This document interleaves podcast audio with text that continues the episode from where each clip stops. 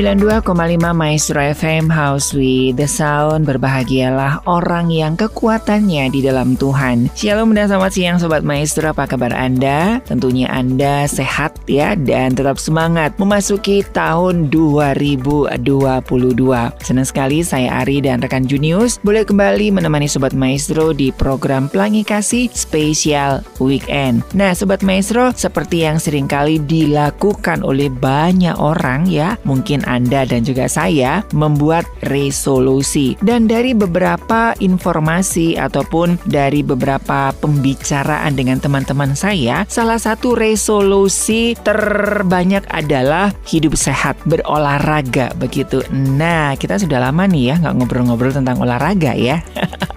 Dan salah satu alternatif yang dipilih oleh beberapa teman-teman saya untuk mendapatkan tubuh yang bugar adalah ke pusat kebugaran atau nge-gym. Nah, tapi ini sobat maestro ya, kadang-kadang kan kita juga bingung ya sebagai orang awam, sebagai pemula begitu, termasuk saya begitu. Pas kita masuk nge-gym, itu kan bingung ya, apakah kita latihan kardio dulu atau latihan beban. Nah, bingung kan? Kalau sobat maestro, tim yang mana? kardio dulu atau beban dulu. Nah, seperti biasanya kalau sudah ngomongin kebugaran, fitness gitu ya, tidak afdol kalau tidak bersama-sama Bang Ade Rai. Saya sudah mendapatkan informasinya dari Bang Ade Rai. Nah, Sobat Maestro nanti bisa simak selengkapnya di Dunia Ade Rai YouTube channel. Nah, di situ banyak sekali konten-konten edukasi seputar fitness dan banyak hal ya. Jadi gimana nih Sobat Maestro? Anda tim kardio dulu atau latihan beban dulu. Jangan ke mana-mana, tetap di Pelangi Kasih Spesial Weekend.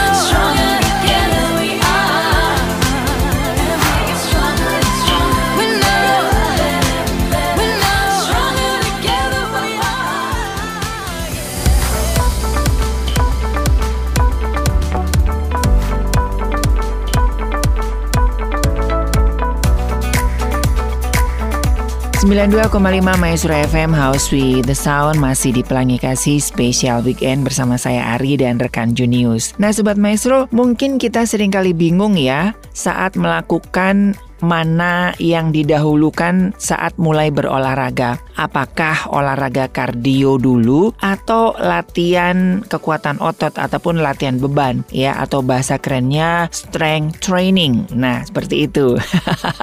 Ini saya baru lansir dari beberapa situs nih Sobat Maestro. Saya melansir dari laman Very Well Fit, sebenarnya tidak ada jawaban benar atau salah apa yang harus dilakukan pertama kali saat olahraga. Hal ini tergantung pilihan masing-masing orang dan kondisi saat itu. Tujuan dari olahraga yang dilakukan juga tentu mempengaruhi pilihan ini. Contohnya nih Sobat Maestro, jika tujuan utamanya adalah membangun otot yang lebih besar dan kuat, latihan kekuatan otot sebaiknya didahulukan dibanding olahraga kardio, sehingga kita dapat memberikan lebih banyak kekuatan dan energi untuk mencapai tujuan itu. Nah, sebaliknya, jika memang fokus untuk menurunkan berat badan dan ingin membakar lemak dalam jumlah yang lebih banyak, kita bisa mengutamakan kardio terlebih dahulu. Bukan berarti latihan kekuatan otot tidak akan membakar lemak, sobat maestro. Keduanya akan tetap memangkas lemak tubuh, tapi memang dengan cara dan kecepatan yang berbeda. Jika tujuan kita adalah menurunkan berat badan, kardio sebelum latihan kekuatan otot bisa menjadi pilihan terbaik. Nah Sobat Maestro ketika berolahraga di gym tidak sedikit orang yang melakukan latihan kardio terlebih dahulu sebelum melakukan latihan beban. Biasanya latihan kardio yang dilakukan adalah lari di atas treadmill. Namun tidak sedikit juga yang langsung melakukan latihan beban di akhir sesi barulah mereka melakukan latihan kardio. Nah, bingung kan Anda mau yang mana? Langsung saja deh, kita simak penjelasan dari Bang Aderai dari Dunia Aderai YouTube channel. Halo, Fitness.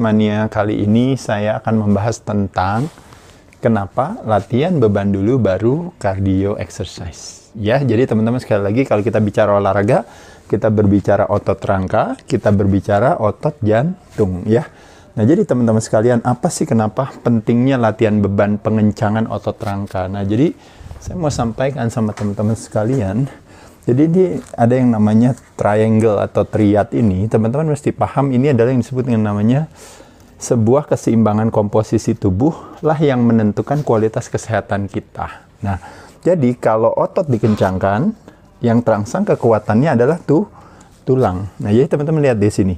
Otot dikencangkan, yang kuat adalah tulang kembali lagi ototnya nggak dikencangkan tulangnya lemah. Makanya kenapa ketika terjadi yang namanya osteoporosis osteoartritis disebabkan karena terjadinya yang namanya under muscle atau yang dikenal dengan namanya sarkopenia.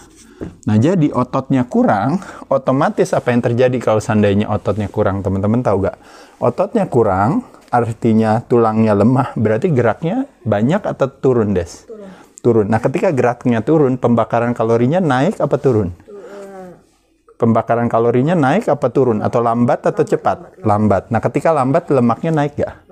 Nah, jadi makanya kenapa di sini akhirnya, jadi karena di sini ada faktor gerak, maka ketika dia ke sini, otomatis lemaknya akan naik gitu ya teman-teman. Nah, makanya kenapa jadi disebut dengan namanya osteo osteonya adalah di sini, sarkopenia di sini, ini namanya obesity.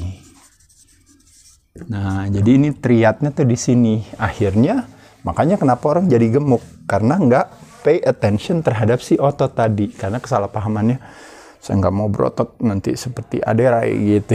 Atau misalnya, saya nggak mau berotot seperti ini. Ingat sekali lagi, otot kebermanfaatannya begitu besar. Teman-teman saya tanya, kalau kita bicara makronutrisi, ada karbo ya, ada protein, dan ada lemak. Kira-kira menurut teman-teman, menurut Desi, kira-kira paling banyak kita makannya apa coba Des? Yang bikin kita akhirnya disimpan di dalam sel lemak kalau bicara makronutrisi adalah kar karbohidrat.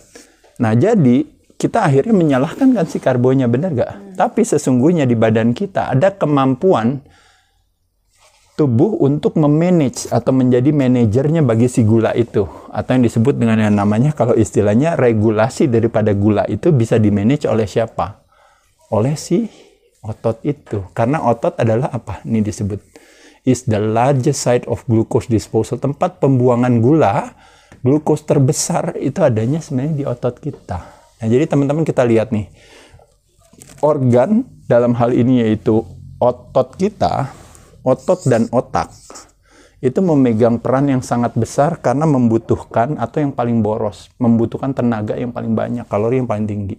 Paling boros karena dia menguasai kurang lebih 40 sampai 60% daripada organ di tubuh kita. Nah, cuma kalau otak mungkin cuma 2%. Nah, otot itu adalah tempat pembuangan atau tempat penyimpanan penyimpanan gula terbesar. Jadi teman-teman kita lihat masalahnya sama gula ya. Oh kita makan karbo kebanyakan ya terutama tepung dan turun-turunannya ya. Teman-teman tahu semua ya mulai dari banyak hal dirubah menjadi gula. Otomatis gula naik kan? Ketika gula naik pankreas kita merilis hormon namanya insulin. Hormon tersebut sebenarnya baik adanya ngambil kelebihan itu untuk disimpan di dalam sel di seluruh tubuh kita. Cuma karena kebanyakan akhirnya menjadi deposito si lemak tadi gitu. Karena kebanyakan gitu ya. Belum lagi ditambah lagi kalau nanti akhirnya sel-selnya karena terus menerus insulin hadir insulin hadir mau masuk akhirnya selnya tidak sensitif lagi terhadap insulin. Makanya kenapa akhirnya disimpan di dalam sel lemak. Makanya disebut namanya fat storage. Di mana storage-nya itu macam-macam termasuk juga adalah kalau teman-teman pernah dengar kan istilahnya misalnya kalau yang dikonsumsikan gulanya dari fruktosa nah kalau dari fruktosa otomatis hanya bisa diproses oleh liver. Makanya kenapa akhirnya dia lemaknya di liver. Makanya kenapa ada istilahnya alcoholic fatty liver disease atau non alcoholic fatty liver disease karena terjadi di sana. Kadang-kadang lemaknya bisa ada juga di jantung, lemaknya juga bisa ada di otot kalau teman-teman tahu. Lemaknya bisa ada di bawah kulit juga, subcutaneous gitu ya. Kalau ini yang visceral fats namanya ya. Nah, kalau pria banyak di visceral fatsnya ya. Nah, jadi sekali lagi apa sih kebermanfaatan daripada kita latihan beban bukan semata-mata istilahnya mau punya badan bagus atau misalnya mau apa, tapi lebih kepada kecerdasan kita akan kesehatan.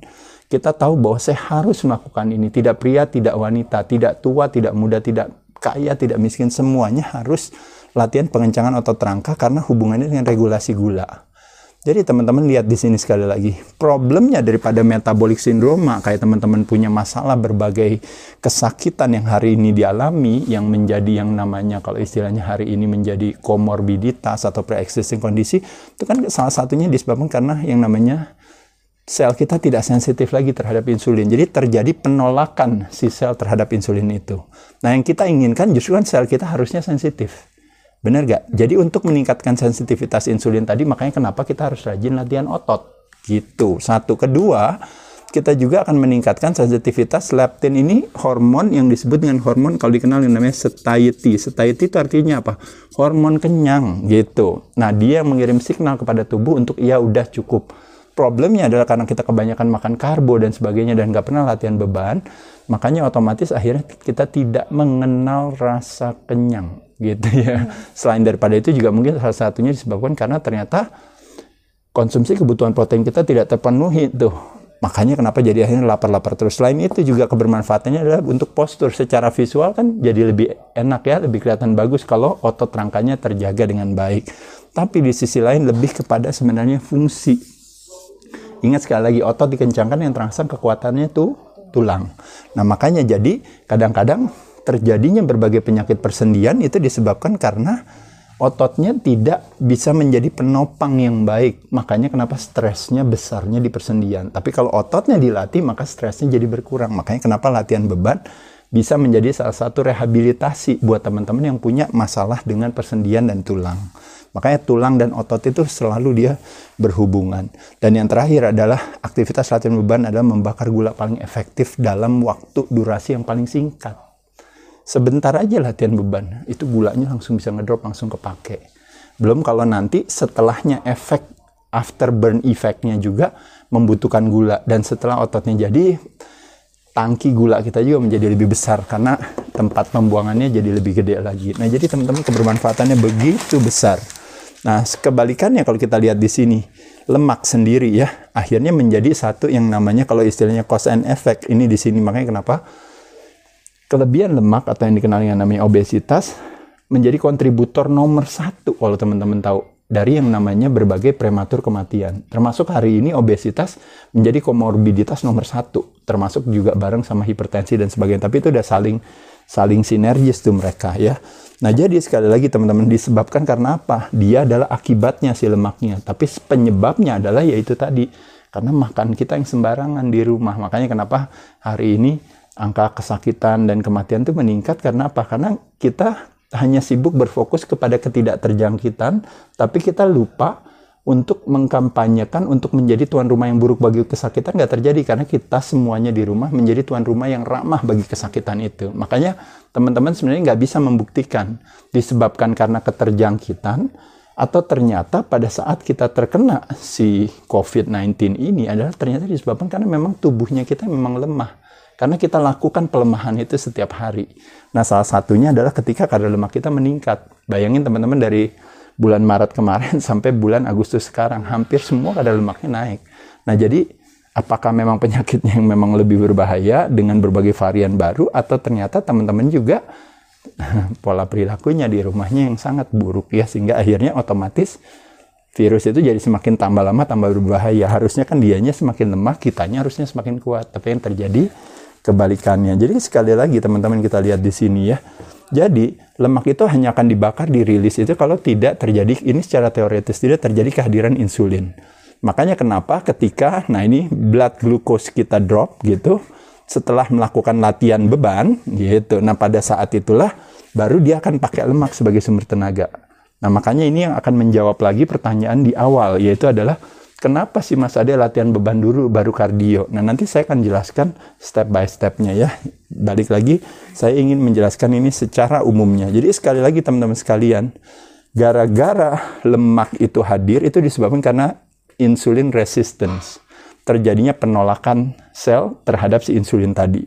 Nah, akhirnya menyebabkan penyakit-penyakit yang dikenal dengan namanya sindroma X, penyakit-penyakit yang berhubungan dengan metabolisme penyakit yang berhubungan dengan jantung ya makanya kenapa orang bisa heart failure, sakit jantung, heart attack dan sebagainya ini karena cardiovascular disease.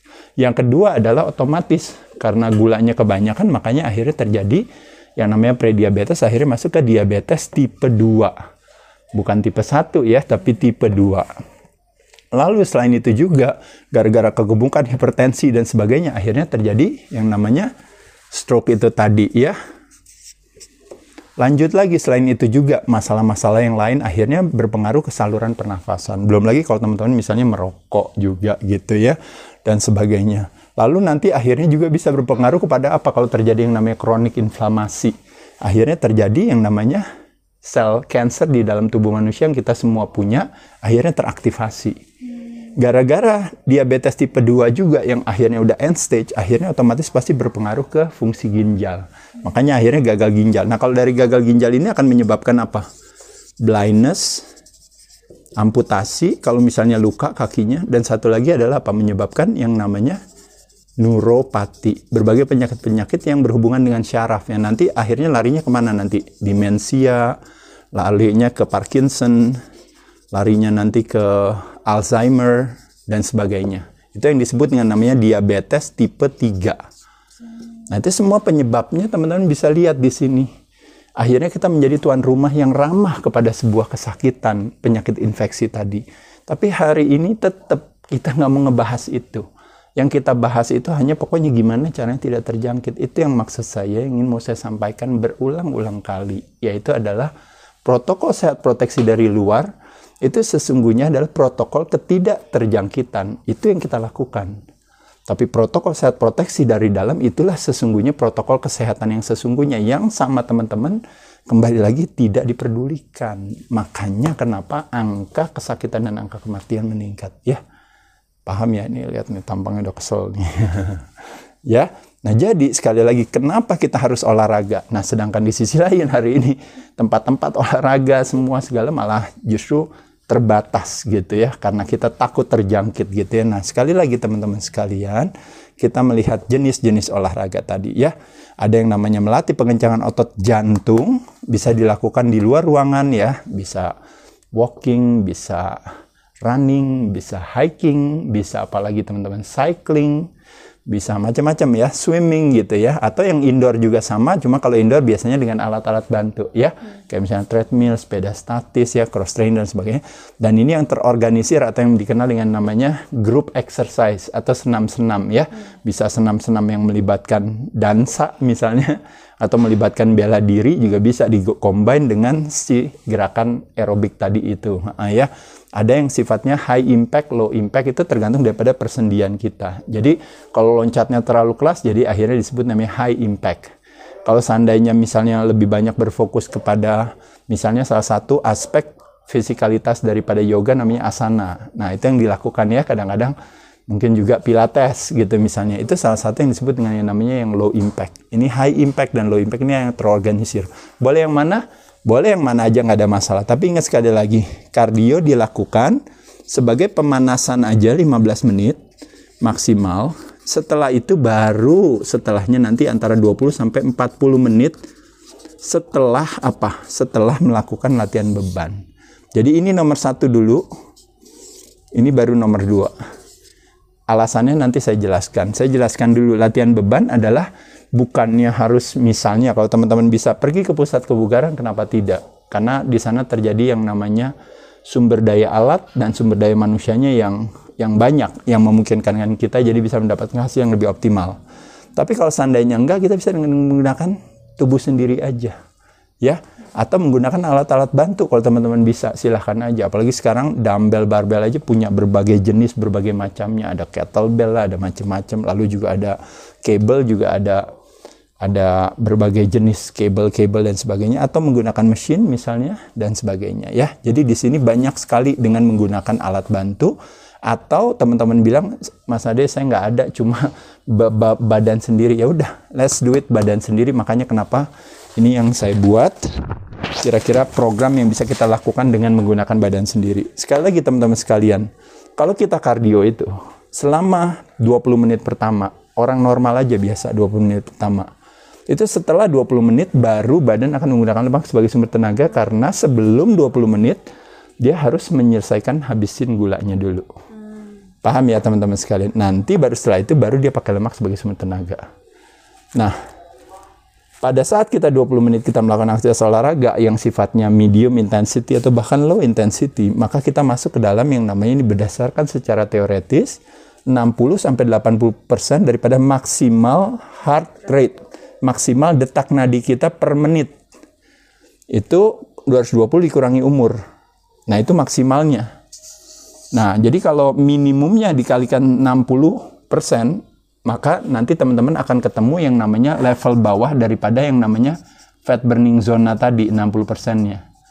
Nah, nanti antara 60 sampai 80 inilah yang disebut dengan namanya zona bakar lemak. Nah, kalau kita latihan beban dulu, kita masuk ke dalam zona bakar lemak nggak perlu nunggu 20 menit, cukup 5 menit langsung. Dan plus, kita udah bakar gulanya lebih optimal dibandingkan dengan kita melakukan cardio exercise. Dan plus kita menciptakan stres di badan kita yang memberikan uh, instruksi kepada tubuh untuk bilang, ayo harus lebih kuat lagi, harus lebih kuat lagi karena kita latihan beban. Nah, jadi kebermanfaatannya di latihan beban dapat, kebermanfaatannya di kardio dapat. Nah, jadi kesimpulannya, Mas Ade, saya cuma lari-lari aja kok di rumah kan di komplek ini apa boleh nggak apa-apa. Saya cuma lari aja mungkin di ada di stadion mungkin dekat rumah saya atau tempat di, di mana. Atau saya mungkin lari di bukit atau mungkin saya naik sepeda atau mungkin saya sekedar cuma jalan pagi aja di kompleks saya nggak ada masalah. Tapi sebelum jalan yuk kita lakukan dulu dengan menggunakan ini. Nah yaitu adalah apa? Satu kita harus push up. Dua boleh pilih squat, tiga boleh pilih plank, empat boleh pilih sit up. Atau reverse sit up atau yang namanya leg raises atau leg up. Nah, empat ini sudah mewakili hampir semua otot kita untuk terkena kalau teman-teman tahu. Nah, tapi sekali lagi teman-teman sekalian, sekali lagi ya teman-teman sekalian, di sini saya mau hanya jelaskan aja kalau teman-teman bilang boleh gak Mas Ade kalau seandainya saya mau cuma satu aja nggak masalah, nggak apa-apa. Yuk kita lihat sekarang push up, teman-teman tahu kan push up? Jadi badannya dorong ke atas ya. Nah, saya pernah lihat tuh salah satunya salah satu uh, apa? sahabat kita ya, uh, Pak Gubernur Jawa Barat ya, Kang Emil itu rajin tuh dia melakukan aktivitas lari ya naik eh, naik sepeda atau mungkin melakukan aktivitas olahraga itu. Tapi sebelumnya biasanya sering melakukan aktivitas push up nah teman-teman bisa lihat tuh di instastorynya ya. Nah jadi waktu push up itu push up itu bisa dilakukan teman-teman ya bisa dilakukan dengan satu yang paling gampang misalnya di tembok. Itu buat ibu-ibu siapa pun juga kuat gitu push up di tembok aja. Tapi kuncinya kalau di tembok ingat kuncinya tuh selalu di di betisnya dinaikkan. Jadi betisnya naikkan jadi pas turun betisnya naikkan. Nah pada saat itulah baru terjadi yang namanya beban sendiri itu ya. Jadi jangan jangan diam begini dorong aja terlalu ringan atau nanti jatuh. Tapi betisnya naikkan. Ya, betisnya dinaikkan. Itu satu. Kedua, pusat bisa dilakukan di meja misalnya atau misalnya di di di apa namanya misalnya di di kursi misalnya ya. Itu berarti sudutnya tadi kan di tembok ini. Nah, dia turun lagi sudutnya di sini. Berarti tingkat kesulitannya lebih tinggi. Nah, tapi buat teman-teman yang misalnya, aduh saya nggak mau di bawah lah, saya nggak kuat. Nah kalau yang nggak kuat boleh pakai betis turun ke bawah, tapi betisnya saya sakit, apalagi kadang-kadang ibu-ibu ngerasa gemuk ini apa. Jadi pakai di pagar aja, mungkin di pagar ada di mana gitu ya.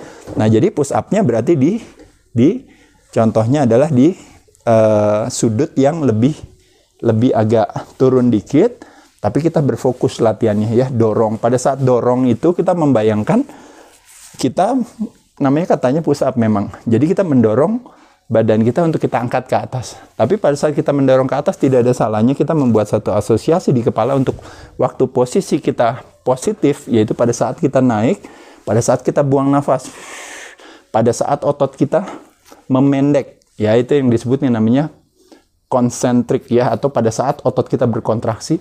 Nah, membayangkan kita tekan itu si lantai ke bawah. Kita tekan itu si si besinya atau si pagarnya atau si bagian yang tadi tinggi itu tadi atau sofanya itu kita tekan ke bawah.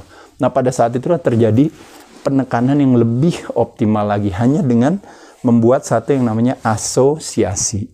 Nah ini yang saya sering katakan ya. Yang kedua adalah pada saat naik. Nah pada saat turunnya kita pelan-pelan. Nah kita bikin temponya kalau bisa 3 sampai 4 detik. Baru naik lagi. 3 sampai 4 detik baru naik lagi. Jadi waktu naik membayangkan kita tekan lantainya atau kita tekan si si pegangannya kita turun ke bawah. Nah, pada saat kita turun, kita berusaha untuk pelan bertahap. Maka jadi ada istilah yang saya katakan temponya. Jadi positifnya itu adalah kurang lebih satu detik. Kita tahan di puncak gerakan, otot yang kita rasakan itu satu detik. Baru kita turun lagi kira-kira pada saat negatifnya kira-kira sekitar 3 sampai 4 detik. Nah, jadi di sini kita bisa lihat kurang lebih satu gerakan itu membutuhkan waktu 5 sampai 6 detik. Makanya kalau kita lakukan 10 kali, berarti kurang lebih kan 10 detik per satu set. Benar ya? 10 detik per satu set. Jadi kalau 10 detik per satu set kita istirahat, itu kurang lebih satu menit buat yang bakar lemak. Kalau yang buat muscle buildingnya kurang lebih satu setengah menit. Nah nanti baru latihan lagi. Kalau satu setengah menit itu berdasarkan salah satu referensi untuk mengoptimalkan production testosteron level kita, sedangkan satu menit untuk meningkatkan production human growth hormone kita yang relatednya hubungannya dengan ketika terjadi kehadiran HGH atau HGH secara natural alami artinya badan akan bakar lemak tuh sebagai sumber tenaga. Ototnya di spare dijaga. Nah jadi sekali lagi ini hal-hal yang sederhana teman-teman. Bisa gak dilakukan sebelum kita lari? Bisa Gampang banget. Berapa set? Tiga set aja nggak apa-apa udah. Uh -uh. Repetisinya berapa tadi? Kurang lebih misalnya 10 aja yang gampang. Boleh gak misalnya saya mau 15 misalnya? Boleh aja nggak ada masalah. Yang utama adalah tadi bagaimana ingat kata-kata yang tadi saya bilang yaitu adalah satu asosiasi, dua adalah tempo. Ini yang disebut dengan yang namanya mind and muscle connect. Uh, terjadi connection antara pikiran dan otot. Nah, jadi bukan berapa kali kita bisa mengangkat, bukan berapa berat kita mengangkat, tapi berapa stres yang diterima oleh otot yang kita lakukan. Paham ya teman-teman sekalian? Jadi di sini teman-teman lakukan itu sebelum tadi lari pagi, sebelum naik sepeda. Boleh kan? Bisa kan di rumah kan bisa dong ya. Teman-teman lakukan ini. Bahkan kalau ini mau dilakukan bukan sebelum kardio, hanya sekedar ah saya lakuin aja setiap kali saya kelar sholat, saya mau push up aja tiga set gitu. Bagus banget. bayangin teman-teman ngelakuin ini 10 kali, berarti 30 kali. Kalau sholatnya 5 kali, anggap aja nggak usah di setiap sholat. Di setiap tiga kali sholat aja, dari lima kali sholat, tiga kalinya kita tutup sama push up. Minimal paling nggak hampir 100 kali kita setiap hari push up. Artinya kebermanfaatannya apa coba kalau seandainya kita rajin push up?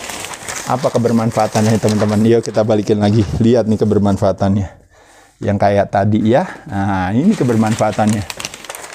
Begitu banyak kebermanfaatannya. Lihat nih semua nih.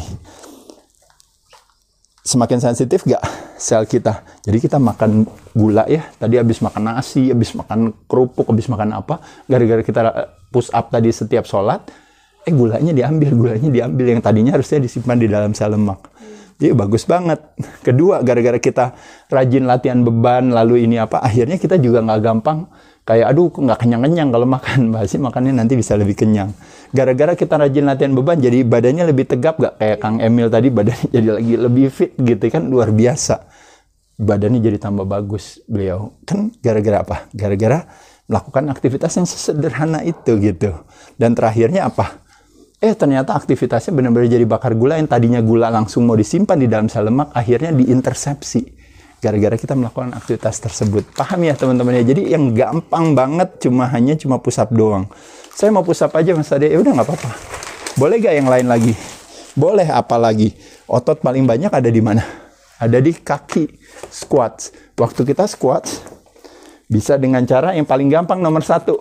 Nggak kuat squat disuruh Misalnya, ini kan udah udah udah udah udah advance nih ceritanya nih.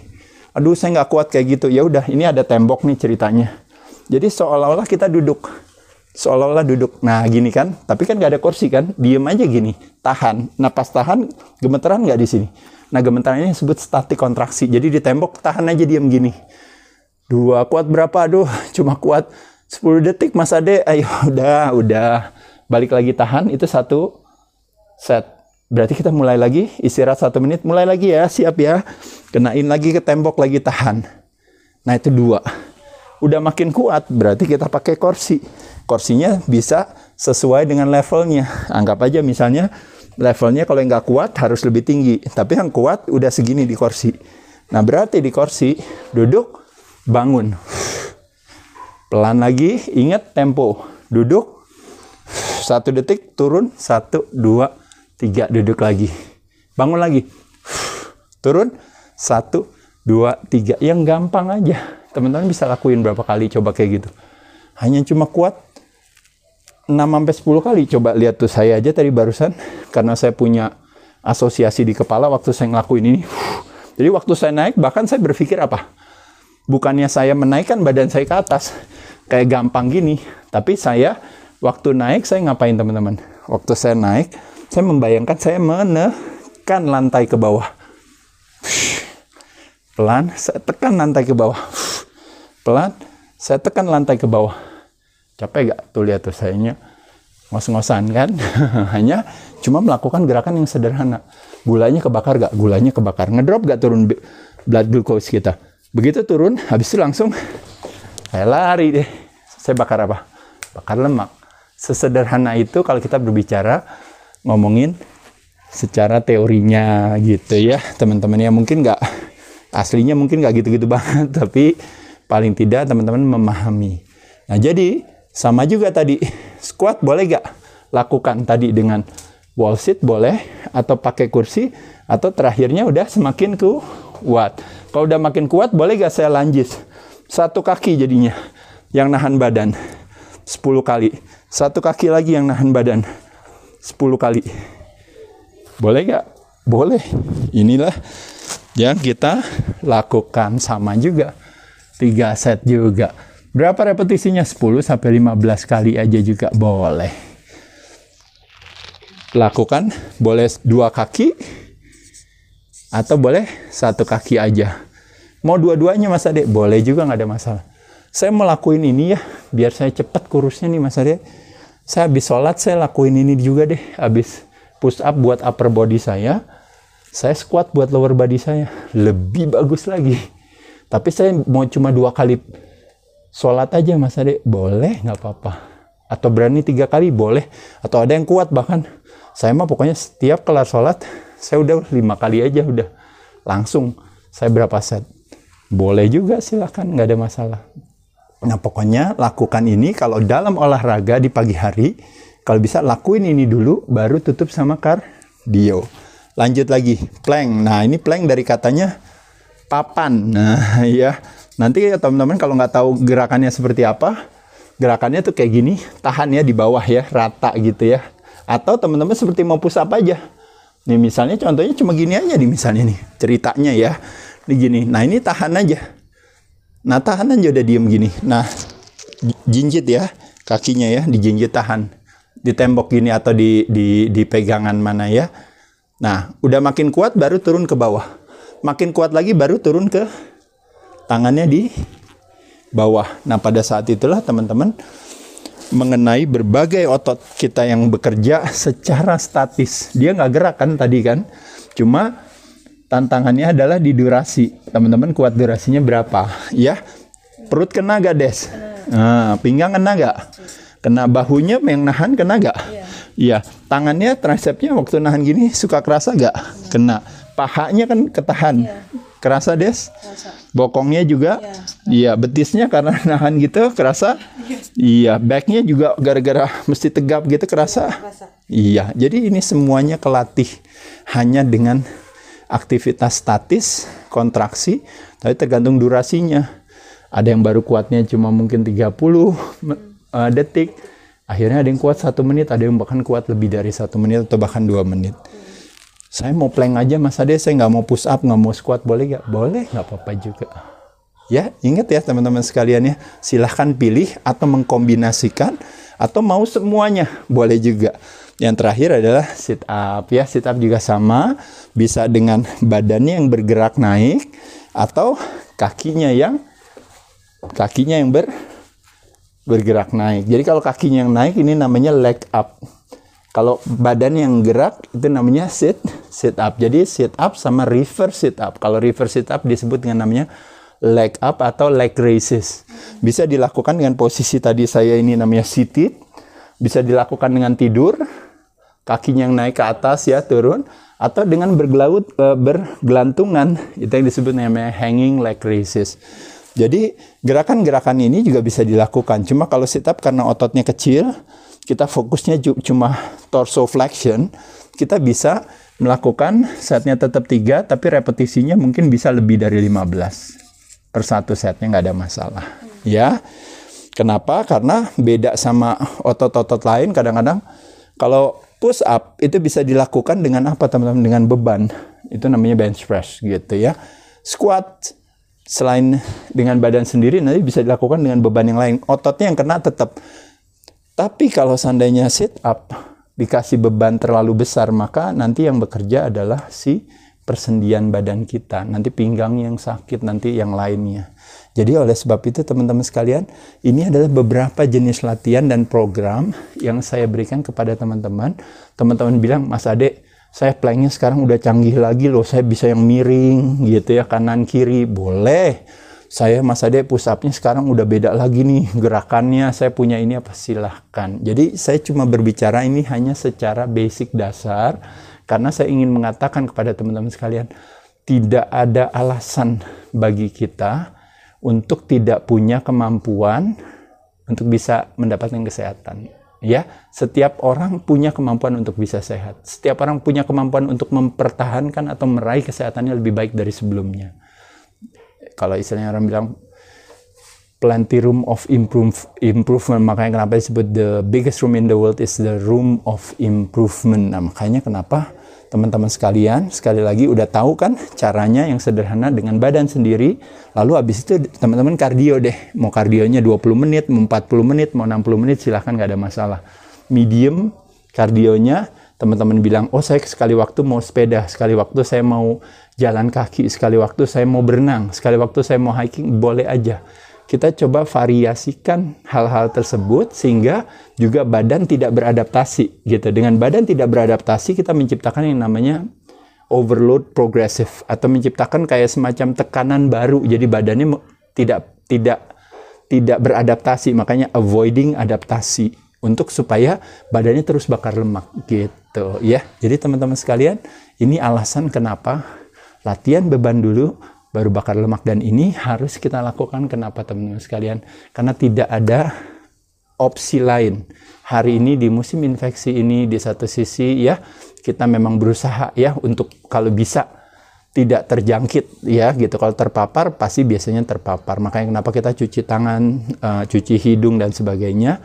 Kalau seandainya harus terjangkit berarti tujuan kita adalah yang lebih utama esensinya adalah menyelamatkan hidup kita yaitu adalah dengan cara apa dengan punya pre-existing kondisinya yang tuan rumah yang buruk terhadap sebuah kesakitan karena imunitasnya tinggi. Nah, ketika imunitasnya tinggi otomatis penyakitnya kelihatan rendah. Kebalikannya, ketika kita pola perilakunya kita buruk, yang ada kita masih merokok, yang ada kita mungkin konsumsi alkohol yang berlebihan, ya terlepas daripada terlihat misalnya kadang-kadang, oh itu badannya masih fit dan sebagainya, tapi ternyata dulu pernah rokok misalnya sejarah rokok atau mungkin dulu ternyata pernah konsumsi alkohol berlebihan atau bahkan misalnya ternyata pernah ketergantungan obat gitu ya obat-obatan dan sebagainya ya otomatis makanya akhirnya terjadi yang namanya kronik inflamasi. Nah, sedangkan ketika kita terjangkit terjadilah sebuah inflamasi yang begitu besar gitu peradangan yang gede gitu hadir datang gitu ya badai itu hadir datang. Nah makanya kenapa dengan pola perilaku kita kita bisa menciptakan rem baru gitu untuk mengatasi si badai tersebut. Makanya kenapa tidak sia-sia yang selalu saya katakan kembali lagi kalau kita punya imunitas yang baik. Karena sekali lagi bicara musim infeksi dia adalah toxicity yang apa? Yang saya katakan tadi. Ingat sekali lagi teman-teman sekalian ya, biar teman-teman tahu. Ini kuncinya ya teman-teman di sini. Kita lihat di sini. Opportunistic. Artinya apa? Dia membutuhkan si hostnya untuk lemah. Jadi selama hostnya kuat, dia tidak bisa mengambil kesempatan teman-teman sekalian. Jadi kalau dia bilang hostnya kuat, dia pasti menang. Salah nggak akan pernah menang dia. Makanya kenapa saya katakan tadi, kalau seandainya bisa menang itu itu benar-benar either ada genetic defect atau ada satu dan lain hal, tapi majority saya tanya Desi, lebih banyak yang gagal gugur atau lebih banyak yang sembuh? Gagal gugur. Enggak. kalau kena sekarang oh, penyakit infeksi iya. lebih banyak yang gagal gugur apa lebih banyak yang sembuh? sembuh lebih banyak yang sembuh sampai hari ini udah pasti. Tapi kalau seandainya gagal, kita bisa menjelaskan. Jelaskannya artinya apa? Disebabkan karena ulah perilaku kita yang akhirnya menjadi korelasinya teman-teman sekalian. Kurang lebih itu ceritanya ya. Semoga bermanfaat. Ini agak sedikit panjang hari ini, tapi saya sengaja pelan-pelan supaya teman-teman punya sebuah pemahaman. Dari pemahaman bisa menjadi sebuah fondasi untuk terjadinya sebuah kepatuhan. Saya ucapkan terima kasih, semoga bermanfaat.